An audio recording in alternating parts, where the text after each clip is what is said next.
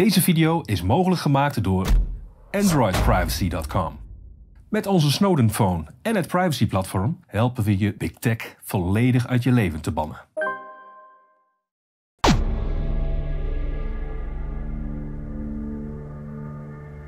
Welkom bij Café Weltschmerz. Ik heb aan tafel Ken, de James Bond onder de digitale transformatie. Met zijn bedrijf Future XL heeft hij 45 jaar ervaring in het transformeren van je digitale strategie in de organisatie. En vandaag is alweer serie, de vierde serie van de vijf. En we gaan in op hoe gaan we dat doen? Zo'n digitale transformatie kennen. Hoe? Want we hebben het erover gehad, hè, waarom, de noodzaak, het belang ervan, regel en wetgeving. Bedrijf moet er echt nu mee aan de slag, anders mis je de boot. Maar hoe? Hoe ga je dat dan doen? Ja, dat is een goede vraag. Hè. We gaan het, ja, het zijn altijd goede vragen. Ik heb er speciaal mijn bril voor opgezet vandaag, omdat we het over het moeilijke onderwerp gaan hebben. Het gaat over IT, de IT-transitie Ja. als onderdeel van de digitale transformatie. En dat is natuurlijk in belangrijke mate een hoe-vraag, die eh, op een eh, Ja. technocratische wijze wordt ingezet. Maar dat vind ik wel interessant. Je zegt IT als onderdeel van een digitale transformatie. Ja, Is het niet dat mensen dat compleet met elkaar verwarren? ja. Maar jij zegt het is een onderdeel van. Als, je, als je het hebt over digitale transformatie, denkt iedereen is IT. Juist. En dan kom je, daar gaan we Ja. de volgende aflevering over hebben, over de mens. Dan kom je, zeg, nou, dan hebben we een CIO of een CTO, of ze hebben dan weer een ander soort eh ehm, ehm, techneut, die heet CDO. Ze verzinnen iedere keer. Ja. Maar het zijn allemaal dezelfde types. Het zijn allemaal dezelfde mensen. Eh, die eh, verantwoordelijk zijn voor de IT-kant. En, ehm, en daar, daar hebben we bij neergelegd, want die moeten doen. Want het is iets wat complex is. Dus dan moeten we een meneer laten doen die daar verstand van heeft. Ja. En iedereen gaat dan gewoon weer verder eh, waar hij al mee bezig was. En dan zeggen ze van, en heb je het al geregeld? hè? Ja. En zo hebben we dat altijd gedaan. Als iedereen denkt dat digitale transformatie een IT-onderwerp is... en dat je dat bij een CIO of een CTO of een CDO neer moet leggen... dat moet je dus helemaal niet doen. Nee, maar, waar, maar we gaan het hebben over waarom je dat niet moet doen. Maar wat is dan de expertise van die persoon dat iedereen denkt dat hij of zij dat Nou, moet dat is heel simpel. Dat is de CEO zelf. Want digitale transformatie is een businessonderwerp. is primair een businessonderwerp. Ja. En het gaat over de continuïteit en de toekomst van je bedrijf. Ja. Wie en wat wil je zijn over vier, vijf jaar? Ja. Ga je dat incrementeel of iteratief doen of disruptief? Met name het laatste. Hè, ga je opnieuw uitvinden met je bedrijf? En heb je grote ambities? Hè? Of ben je ambtenaar en je hebt nul ambitie en eh denk het zal mijn tijd wel duren. Hè? Meneer Benschop van eh, Schiphol. Eh, en dan loop je eindeloos achter de feiten aan. Maar goed, zolang je gefinancierd wordt door de overheid kan je dat permitteren. Hè? Maar veel bedrijven kunnen zich dat helemaal niet permitteren. Want die leven onder tucht van de markt. Dus digitale transformatie is een businessonderwerp en is geen IT-onderwerp. Is geen onderwerp voor techneuten. Precies, maar de- mijn vraag is inderdaad, ehm, het wordt belegd bij de CIO. Maar wat verwachten die mensen dan van deze beste man of vrouw? Nou, dat, dat hij die digitale truc uit gaat Ja, en halen. hè, waarom? want- Om, Om, omdat ze vanuit de misperceptie naar het onderwerp kijken. Want denken dat hè, data, dat, is techniek, hè, Ja, dat is IT. Hè, dat zit je er weer aan die kant. Ja. En die hele markt is een markt die zich al 60, 70 jaar eh, in stand heeft gehouden door dingen heel complex te maken. Ja. Het is een CIO, die herken je ook aan het feit dat hij hoofdzakelijk in hieroglyphen communiceert. En waarvan je denkt van, waar heeft die man het over? En dat is ook hun, hun stijl, hè? dat ze dingen super complex maken over iets wat eigenlijk heel simpel is. Maar omdat ze het complex maken, en waarom maken ze het complex? Omdat die hele markt houdt zichzelf in stand, want het is een businessmodel. Het is meer uurtjes verkopen, meer hardware verkopen, meer software verkopen. Ja. Alles in processen duwen. Hè? Dus alles in processen, processen, processen. Dan naar IT-processen. En dan zeggen ze, dan gaan we naar een IT-operating model. Nou, dan hoor je de hieroglyphen al voorbij komen. Containerbegrippen. Dan komen de bedrijven als Gartner. Die gaan ook allemaal hele ingewikkelde dingen als digital twin en data lakes. En, nou goed, dus er komt een hele combinatie van ingewikkelde containerbegrippen. Klinkt en, zit- dan ben je CEO van zo'n Ja. bedrijf en denk je... What the fuck, dit? waar hebben die mannen het al? Ja, Het ja. kost ook allemaal verschrikkelijk veel geld. Hè? Ja. En, Maar dat eh, durft hij op een gegeven moment natuurlijk niet meer toe te geven of Nee. terug te draaien. Dus het is ook een stukje ego, of niet? Nou ja, het ook, ook eh, kijk, bestuurders hebben met heel veel dédain naar dat onderwerp gekeken. Ja. Kijk, vroeger, toen ik begon, 45 jaar geleden, hadden we nog mainframe computers. Ja. En dan kwam er een meneer van eh, IBM kwam voorbij. En dan kostte zo'n ding gewoon toen in die tijd gewoon 24 miljoen gulden. Nou, dat was natuurlijk chefzag, raad van bestuur. Oeh, dat is een hoop geld. Maar op de dag van vandaag is dat natuurlijk een commodity geworden. Hè, want uiteindelijk kan je met een creditcard, kan je al die computing power, kan je gewoon uit de cloud halen. Ja, dus eh, Wat is de weerstand van bedrijven eh, naar de cloud toe? Nee, dat kan niet in de cloud, dat is niet veilig. Dat is vaak wat ze zeggen. ja, dat zijn allemaal argumenten op basis van A, misperceptie, B, koninkrijk beschermen. Ja. Dus heel veel CIO's geven leiding aan koninkrijken. Hè. Die hebben het verkocht hè, onder, met behulp van, van consultants, hè, de McKinsey's van deze wereld, de BCG's. Dan heb je natuurlijk de IT-consultancypartijen. Dat zijn allemaal de strategische adviseurs van directies en van overheden. Ja. Die maar één taak hebben. Dat is eh, zoveel mogelijk eh, budget creëren voor de CIO. Want dat zijn natuurlijk allemaal vriendjes van elkaar. Want ze hebben of bij Atos gewerkt, bij Capgemini gewerkt. Bij, zeker als je bij McKinsey gewerkt hebt, dan ben je eigenlijk al heilig verklaard. En dan worden ze op een gegeven moment worden ze CIO. En CIO staat ook voor Career is Over. Dus dat is ongeveer het laatste station voordat ze dan Heb uiteindelijk ik nog eh, niet gehoord. Met pensioen gaan. En je ziet ook dat ze continu hoppen, hoppen, hoppen, hoppen van het ene naar het andere bedrijf. En precies hetzelfde kunstje uitvoeren. Exact hetzelfde kunstje Ja. uitvoeren. En ze zijn ook allemaal vriendjes van elkaar. Het is Ja. één grote incestueuze beweging. Van allemaal mannen van hetzelfde. En die komen dan twee keer bij, eh, per jaar bij elkaar. Tijdens de CIO-dagen, georganiseerd door ICT Media. In eh, een of andere locatie. Waar al die Indians heel hard roepen dat ze chief willen zijn. Ja. Want ze zijn geen chief, maar het zijn gewoon allemaal Indians. Die dat domein voor zichzelf ehm, geclaimd hebben. Ja. En dat ook heel succesvol gedaan hebben. Omdat heel veel raden van bestuur denken ook dat het echt daar thuis hoort. Ja. En dat is het begin van het einde. Want het gaat over iets wat heel simpel is, wat super complex gemaakt wordt. Jij Wat daardoor dus ook heel veel geld kost. Ja, precies. En heel veel tijd kost. Ja, ja, dat zeg je altijd. Hè? We maken het onnodig complex, terwijl inzoomen brengt eenvoud. Vond ik heel mooi, stond in je boek. Ja, het dus eh, we hebben het over de wereld. Hè. We- Wij zijn ooit begonnen in de jaren 70, 60, 70, mainframes, datacentrische omgevingen. Hmm. Zo zijn we ooit begonnen. Ja. En dat was goed. Het was beheersbaar. eh, het was wel kostbaar. eh, maar er kwam een hoop kwam. En Het was zijn- gecentreerd. was gecentreerd, Ja. was beheersbaar gebracht, Ja. was datacentrisch, goed datamodel. Ja. En vervolgens zijn we naar distributed data processing overgestapt. En toen hebben we dat principe losgelaten. En toen heb je ook dat de KPMG's kwamen en die begonnen over eh, ehm, het beschrijven van processen. Dus een heel Ja. bedrijf werd uitgeschreven in processen. En vervolgens zijn we al die processen gaan automatiseren. Toen kwamen de SAP's, wat gewoon eigenlijk de leveranciers waren van boekhoudpakketten. Met gefragmenteerde data. Met gefragmenteerde data Overal vanuit het vast. Het boekhouden is vastleggen van je processen. Ja. Dat is helemaal niet spannend. Dat kan in wezen kan dat iedereen. Wat is er mis met het feit dat ze die processen uittekenden en volgden? Is dat je de, ehm, alle processen bent gaan definiëren.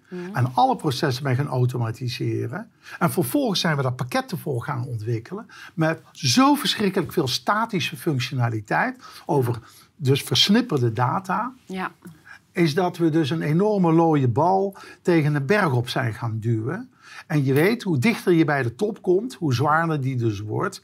En we zien dus nu dat er andere bewegingen zijn gekomen in de markt, waarbij deze manier van het inrichten van onze operatingmodellen veel te kostbaar zijn, veel te statisch zijn, veel te complex is. Ja. In strijd is met wet en regelgeving. Hè? Dus applicatiegedreven omgevingen zijn dus technisch, maar complex en, en strijd met wet en regelgeving. Ja. Is dat we nu helemaal beginnen vast te lopen.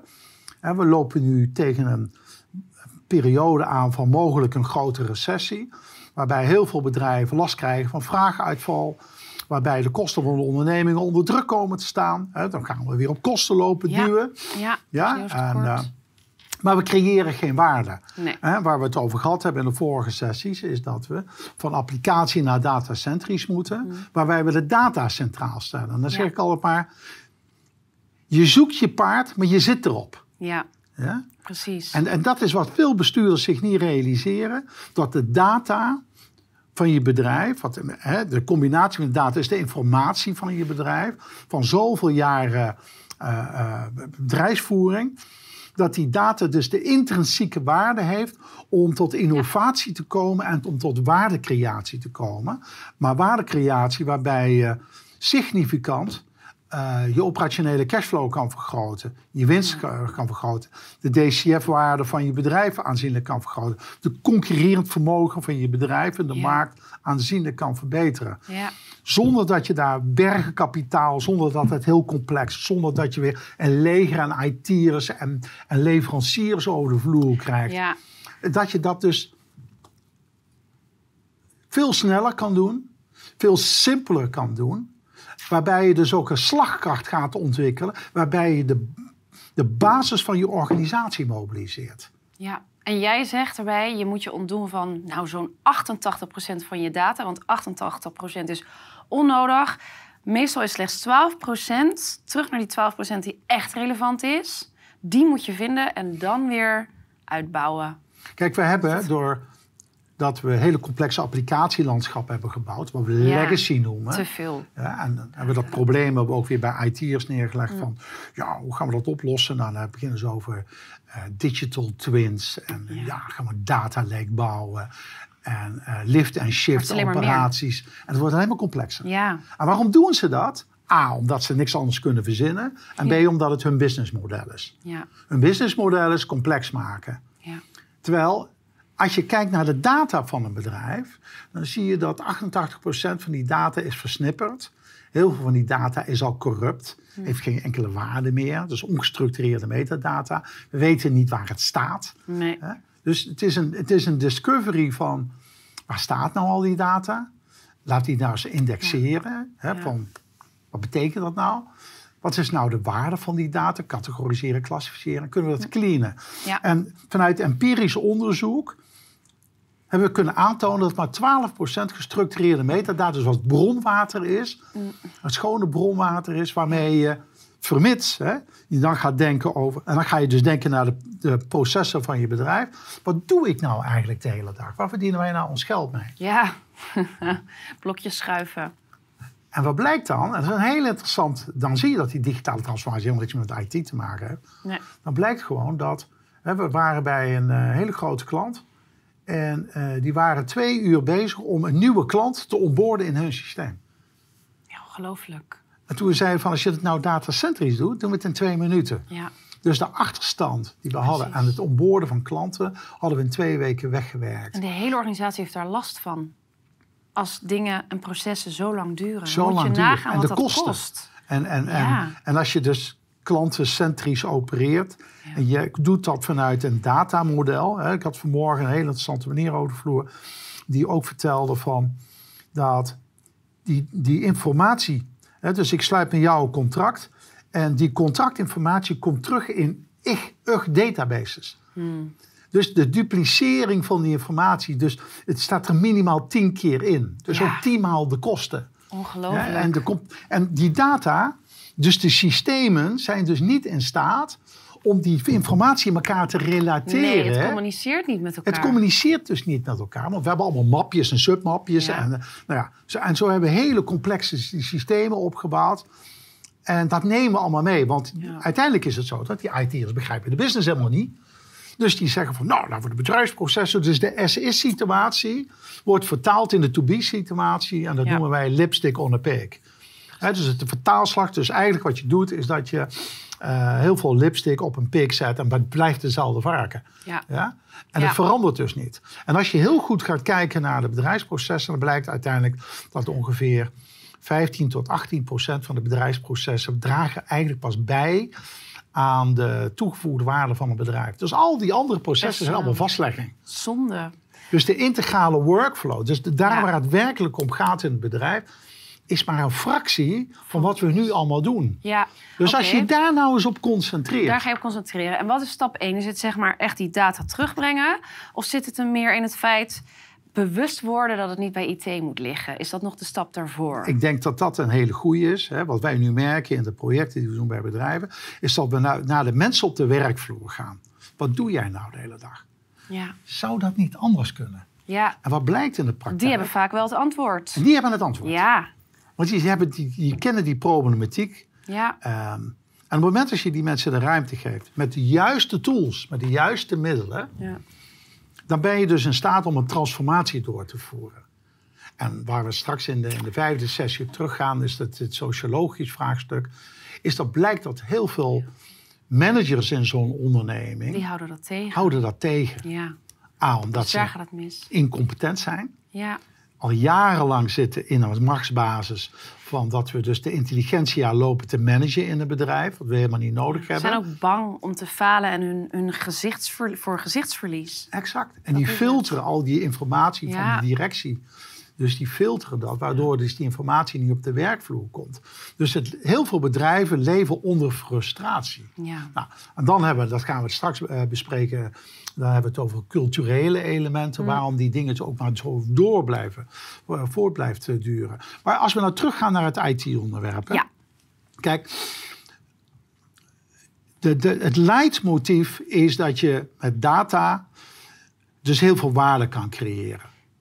Alleen het punt is dat we allemaal applicatiecentrisch zijn gebouwd. Dus het operatingmodel, iedereen kletst altijd over businessmodellen, is belangrijk, maar is eigenlijk helemaal niet zo belangrijk, want het gaat om je operatingmodel. ja, Ja? Sturen een auto is je businessmodel, maar de motor is je operatingmodel. Ja. Wat is er belangrijk? Je hebt ze allebei heb je ze nodig, maar zonder motor heeft zo'n stuur ook niet zoveel zin.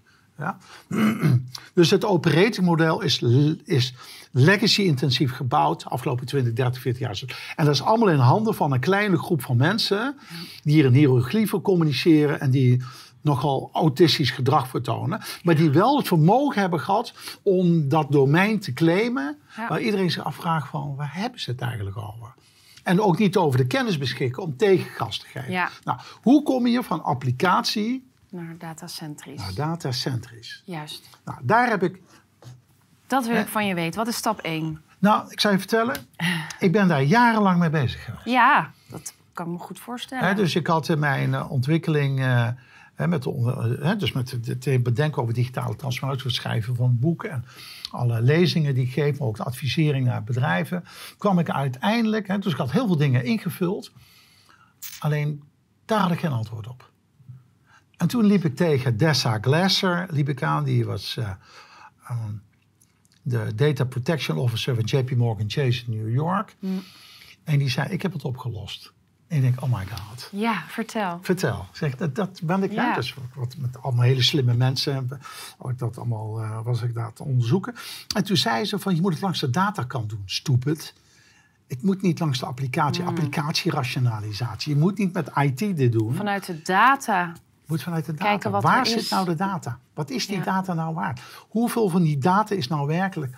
En in dat opschoningsproces Ja. kom je ook door dat proces ook tot de conclusie welke applicaties nou toegevoegde waarde hebben. Ja. Dat is één ding. Vervolgens zegt ze, Hm. Je moet een landing zone hebben, waarbij je dus van applicatie naar datacentrisch gaat. Zeg die landing zones die zijn er, want Ja. daar was ik al jaren mee bezig met de multi-site platforms. Dan heb je over Google, Amazon, Azure. Microsoft en dan heb je ja, Azure, hè, dan heb Ja. je IBM Bluemix en dan heb je de Chinezen. Nou, en er zijn eigenlijk maar zes platformen Hm.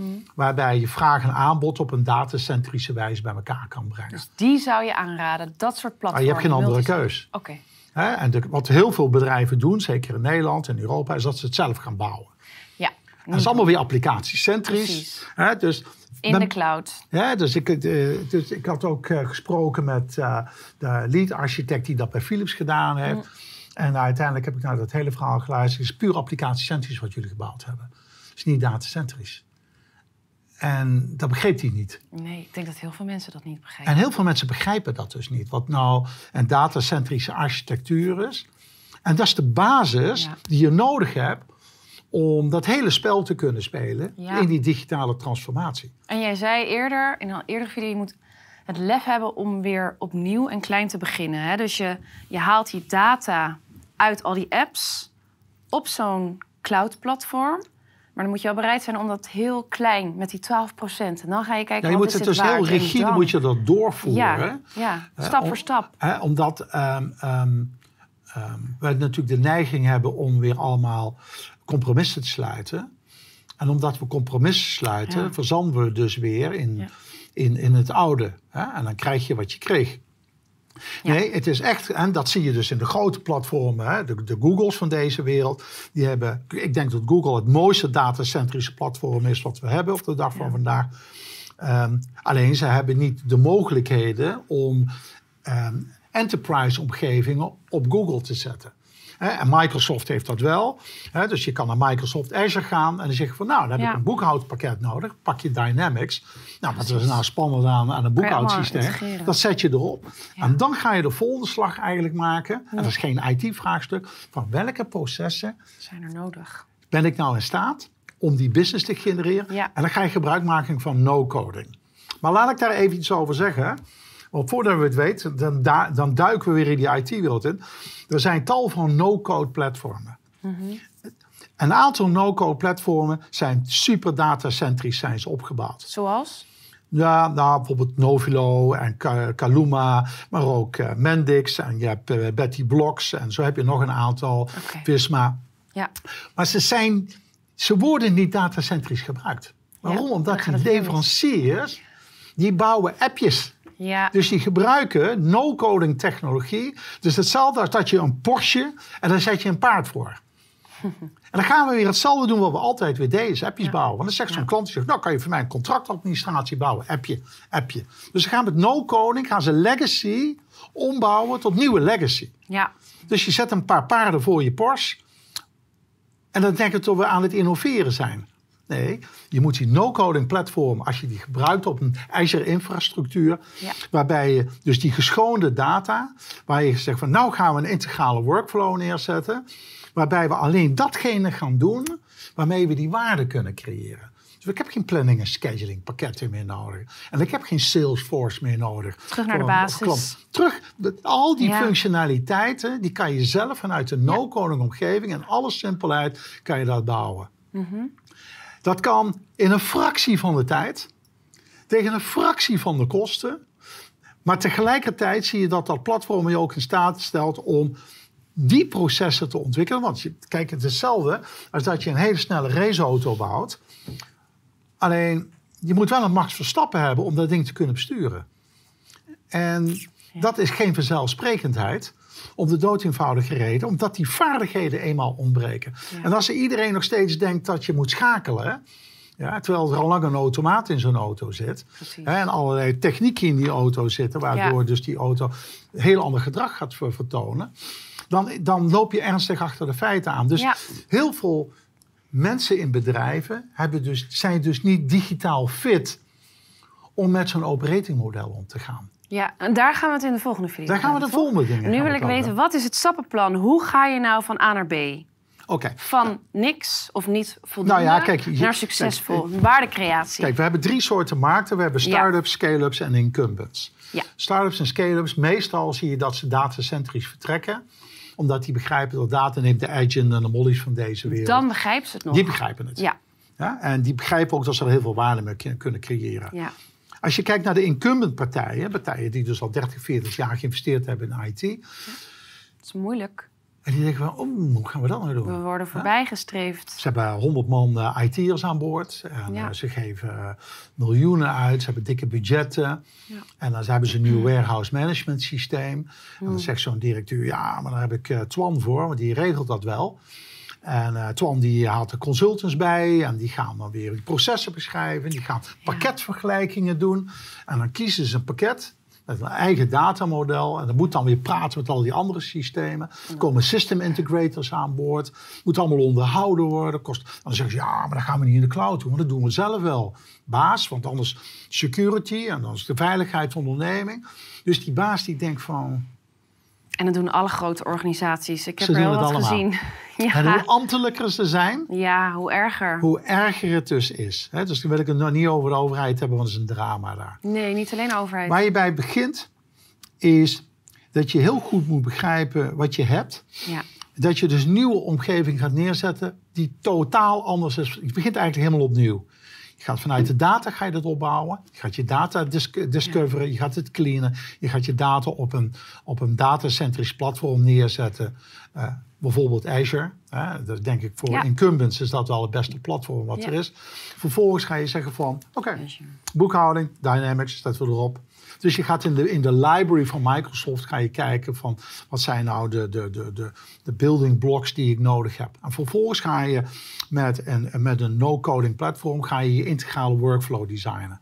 Dat is een business onderwerp. Met de basis van je organisatie ga je je business componentiseren. Waarbij je zegt, we hebben een stukje warehousing nodig. We hebben een stukje eh eh, orderadministratie, noem maar op. Hè, in de hele integrale workflow. Ja. Dat je zegt, dat gaan we doen. Die functionaliteit Zijn nodig. zijn nodig. waarde. En dan ben je dus in staat Ja. om zo'n integrale workflow in componenten heel snel te bouwen. ja. En moet je, zou je dat voor die grote bedrijven ernaast doen in de eerste instantie? Altijd. Wat ze altijd proberen is om de trein te innoveren op hetzelfde spoor. Maar dat werkt niet. Dus gewoon echt een spoor ernaast. Je moet een spoor er langs leggen. Zodat je later kan overstappen je later kan op iets overstappen. wat werkt. Waarbij je dus je nieuwe omgeving bouwt. Juist. Met de mensen op de werkvloer. Heb je geen IT'ers bij nodig. Heb je Nee. ook geen IT-leveranciers. Nou, ook geen managers lijkt Ook me. geen- en je bed zet alles in de cloud. Ja. Dus dat betekent de computing power die je nodig hebt, komt dus uit Dus de laten cloud. mensen van een werkvloer dit oppakken. Dat is eigenlijk je advies. Exact. Want die hebben dagelijks contact met de klanten, met de business. Die weten wat de uitdagingen zijn, de problemen, wat er speelt. Neem die wat serieuzer. En nou ja, je brengt het daar waar het thuis hoort. Ja. Het is dus de businessprocessen Ja. van de mensen op de werkvloer. Die begrijpen hoe die business in elkaar zit. Die Ja. al jaren zeggen, dit kan veel efficiënter. En die ook veel- vaak weten waar de data wel zit en en waar die data is. zit. En Ja. hoe die data interacteert met elkaar. Ja. Op het moment dat je met de werkvloer dit gaat doen, krijg je een aantal dingen. Ja. Het enthousiasme. Ja. Mensen worden eindelijk eens gehoord, worden betrokken. Zien vervolgens dat ze daar dus heel veel effecten mee scoren. Ja. Wat je tegelijkertijd ziet, is dat je kosten dramatisch naar beneden gaan. Want je hebt al die IT'ers niet meer nodig, je hebt al die consultants niet meer nodig. Dus al die system integrators, nou, moet eruit, wegwezen met die lui. Heb je helemaal niet meer nodig. Durven ze allemaal niet. Want Nee. dus, oei, oei, oei, oei, oei. Ja. Worden ook vaak gechanteerd, hè. Ik weet toch goed, toen ik ooit, ik ben zelf ooit CIO geweest. En mijn carrière is ook echt helemaal over. Het is niet, is Oh dat- je zit bij mij aan tafel. ja, ja, het zit niet uiteindelijk bij jou aan tafel. Is dat, ehm, het is, ik, eh, Leiden gaf een heel groot computercentrum. Hm. En, eh, en wij hadden woeste plannen. En toen hadden die mannen besloten om de stekker eruit te trekken uit de mainframe. Omdat ze zich bedreigd voelden. En dan konden we twee weken konden we geen facturen uitsturen. Wat onze cashflow-probleem van een paar honderd miljoen opleverde. Ja. Dus die raad van bestuur die raakte helemaal in paniek. In de stress. Dus wat deden die? Ik weet niet of je ooit die film hebt of die, die op beeldopnames hebben gezien van de directie van Air France. Die in een onderbroek over een, over een hek heen klommen. Omdat ze eh zowat eh, eh, eh, nou ja, werden, werden gesloopt door allemaal boze werknemers. Dit soort dingen gebeuren gewoon. Chantagepraktijken, Ja. waarbij IT de macht weer teruggrijpt. Omdat die zeggen, zonder ons kunnen jullie bedrijf niet. Ja. Maar goed, dat is Wat gebeurt, inmiddels een beetje voorbij. nee, dat is niet voorbij. Nee? Dit gebeurt nog massaal.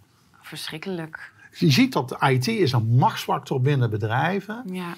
En die, en die, die nutten die macht ook heel duidelijk uit. Daarom is Gesteund door bewustzijn... leveranciers, hè? Ja, door natuurlijk. Die verdienen eraan. Ja, maar die leveranciers gaan dus heel ver hè? in hun machtsspel om die machtspositie te behouden. Waarbij de druk wordt uitgeoefend op eh, directie, want die moeten weer verantwoording afleggen aan commissarissen die er ook geen Barst van snap. wars van snappen. Aandeelhouders die op afstand die staan opportunistisch alleen maar te kijken naar van eh bring me the money. Ja. Ja? En ga jij dan maar eens als bestuurder. Daar En, tegenin, en- en ja. dus je loopt tegen heel veel bestuurders aan die alleen maar draagvlak willen creëren. We Ja. hadden laatst ook weer een, een interessant project van een internationaal bedrijf. Die eh, over, over heel de wereld zat. En toen zei ze: als je dat nou anders gaat doen. Dan kan je dat bedrijf veel harder laten groeien. Hm. Je kosten dramatisch naar beneden. Maar je hele informatievoorziening wordt zodanig opgezet dat je echt je ambities kan waarmaken. Ja. Wat doet hij? Hij haalt zijn CIO erbij. En zijn CIO zegt, baas, dat moet je niet doen. Laat mij het maar doen. Vanuit het draagvlakprincipe, gesteund, hè, want uiteindelijk Ja. had hij weer een McKinsey-commissaris die op afstand stond. Hè. Ja, het is van een risico en zo. Dus, Ja, dus die allemaal- houden allemaal het hand boven het hoofd. allemaal, allemaal van, Ja. ja, wat risico en dergelijke. Dus die innovatie komt bij dat bedrijf niet van de grond. Er gaan dus nu big time werkkapitaal. En ze denken omdat ze genoeg geld verdienen, dat ze dat wel kunnen financieren. Ja. Maar ze realiseren zich niet dat ze A, in strijd zijn met en regelgeving. B, dat het een groot zwart gat wordt. Mm. C, dat er nu zware tijden aankomen, dat je dat geld over iets anders nodig hebt. Ja. En, en als laatste natuurlijk element, dat wat je uiteindelijk gaat bouwen, dat dat weer die paardenstel is voor die Nou, Porsche. dat. Het matcht weer niet met de toekomstige klant. En die lopen massaal weg en dan sta je in je hemd. Exact. Maar de- het is in belangrijke mate, en daar komen we straks op terug, dat het sociologische vraagstuk Ja. loopt continu door het onderwerp Ja. heen. Omdat in de kern is technologie simpel. Want het is er allemaal al. Ja. Alle technologieën in de markt zijn allemaal datacentrisch. Ja, Dus AI is, heeft te maken met datacentrisme. precies. Ja, en 3D-printing is datacentrisme.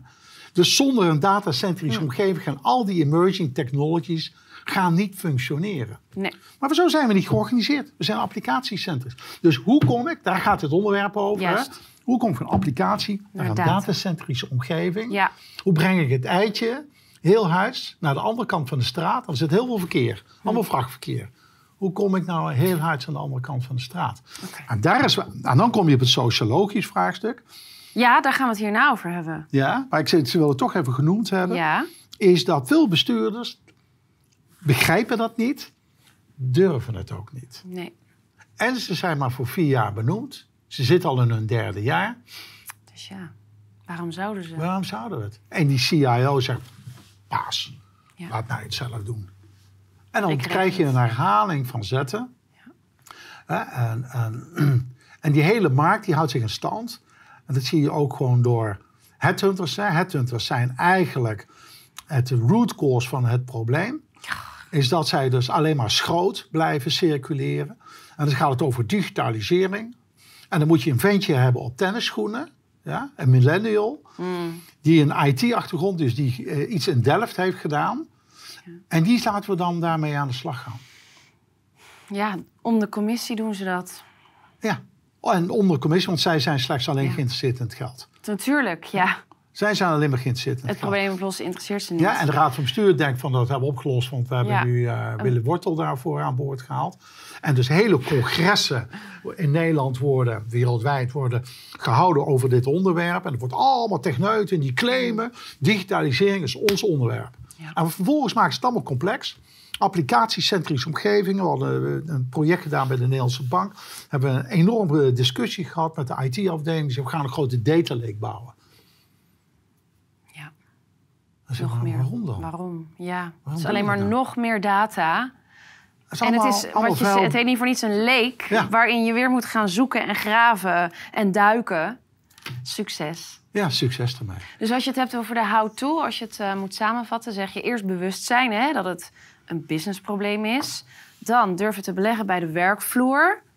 Hè, laat die aangeven welke data is nou echt relevant, waar zit het en hoe kunnen we dat samenbrengen. Zet het op een tweede spoor naast je huidige businessmodel, als je in een grote organisatie werkt.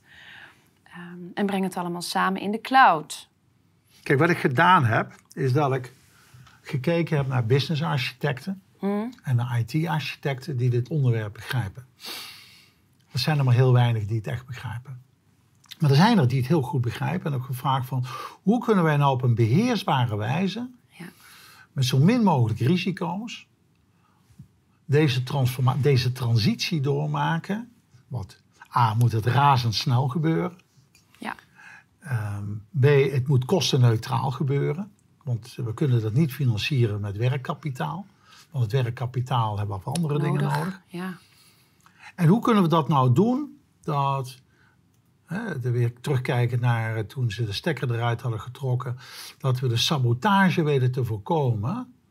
Hè, dus er zitten heel veel bedreigende factoren, Ja, waarbij die zittende orde zich met hand en tand verzetten. gaan verzetten. Ja, dus er is enorm veel verzet. Daar zijn bestuurders bang voor.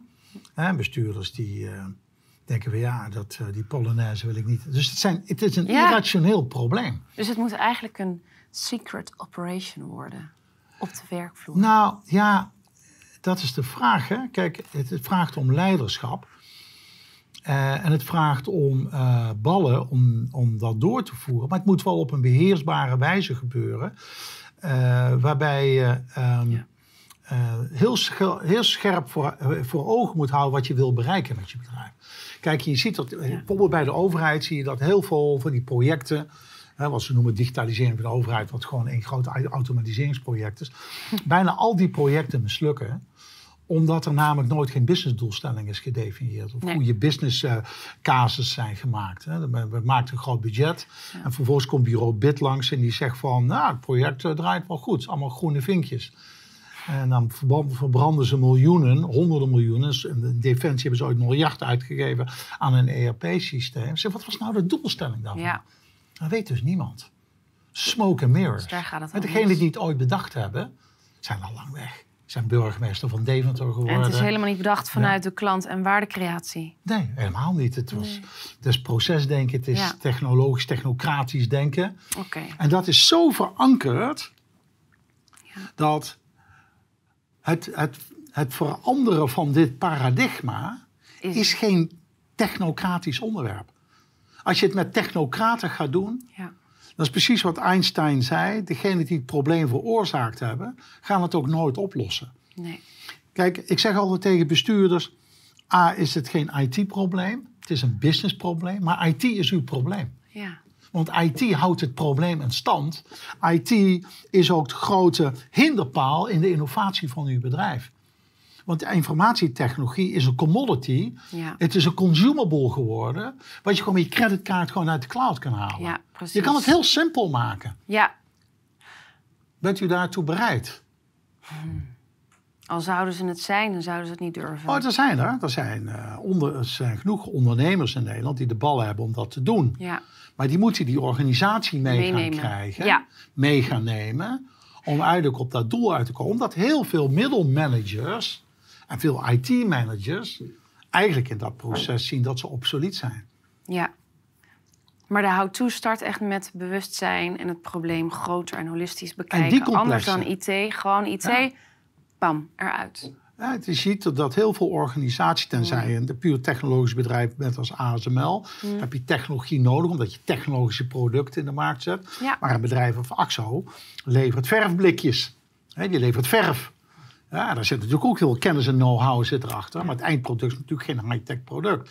Een waferstepper is natuurlijk heel iets anders. Hè. Het is ook geen product, maar ze leveren eigenlijk hele fabrieken waar chips uitrollen. Ja, Dus uiteindelijk kan je je afvragen: hoeveel geld geven jullie nou uit aan al die IT-systemen en IT-mensen? En hebben jullie nou eigenlijk wel een CIO nodig? Hebben ze dat niet nodig? Want een CIO is in de kern een stafmanager die verantwoordelijk wordt gemaakt voor de continuïteit van de Ja. onderneming. Het is geen lijnmanager, Nee. het is geen business manager, het is een costcenter. Het is gewoon een callcenter. Ze- Wat, wat ze doen is dat ze eigenlijk de computers, eh, het, het- ze houden het licht aan. Dus als we deze video moeten afsluiten of samenvatten, is dit het ding. De boodschap die jij de mensen wil meegeven, de kijkers thuis. Wees je gewoon eens bewust. Ja, wees je En vraag bewust. je af, heb je dit nodig? Het antwoord is nee. Nee, het antwoord is nee. Oké. Nou, dat vind ik een mooi, eh, mooi einde. Oké, Het antwoord is nee, lieve mensen. nee, het kan anders. Het kan anders. Daar gaan we dan eh, in de volgende video over het sociologisch vraagstuk over hebben. Ja. Dank je wel voor nu in ieder geval. Graag gedaan.